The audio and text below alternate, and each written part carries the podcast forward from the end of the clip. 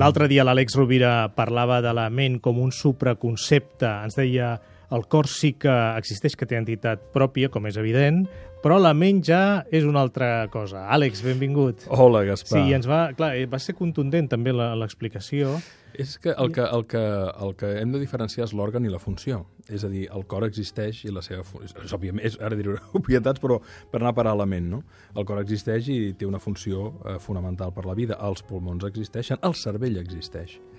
El que passa que amb la pràctica de la meditació al llarg dels anys te n'adones que això que en diem ment pròpiament no té una entitat en si mateixa. Podríem dir que és una il·lusió, o que quan dic jo que és un, que és un concepte, perquè el que sí que existeix, òbviament, és la generació de pensaments.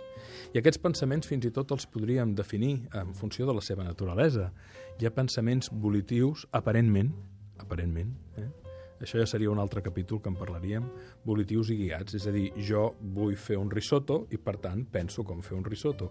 Jo vull definir un pla d'acció per la transformació d'un equip humà, d'una organització, d'una empresa, un objectiu, és a dir, amb el treball d'emprendre, amb el treball de cooperar amb els nostres eh, col·legues, amb el treball d'aparcar el vehicle, és a dir, ja una intencionalitat i, per tant, el pensament, o a l'hora de fer un puzzle o de pintar, evidentment que la ment aquí ens acompanya i hi ha una intencionalitat. Després hi ha pensaments que són residuals o que són automàtics i moltes vegades esdevenen, esdevenen letanies inconscients que es repeteixen, poden ser pensaments obsessius, fruit fins i tot d'una opera, opera, operativa traumàtica del cervell. Moltes vegades els cucs musicals, eh, des de lo més banal fins, a, fins als, als petits traumes que anem acumulant, generen una, un automatisme de pensament i de record que del qual és difícil alliberar-se.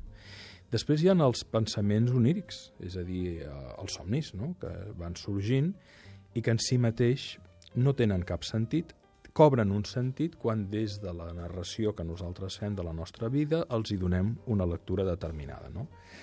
Però la ment com a tal, podríem dir, clar que existeix en la mesura que hi ha una, una suma de pensaments, però en si mateix el que hi ha són pensaments que neixen i que moren, que venen del no-res i tornen al no-res. I l'observació d'aquest procés um, ajuda a prendre consciència del que que sí existeix és una presència, que és allò que se n'adona que hi ha al pensament.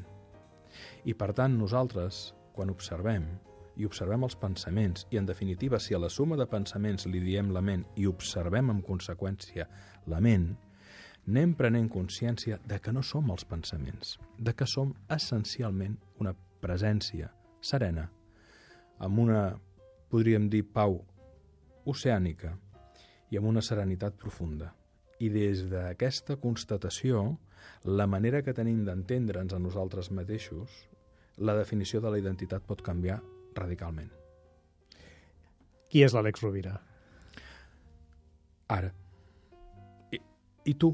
És a dir, en realitat ens podem definir a un nivell psicològic des d'un jo, però podríem dir que a un nivell eh, més enllà de la definició del jo, som presència en un instant que en el moment que paradoxalment l'has citat ja ha passat.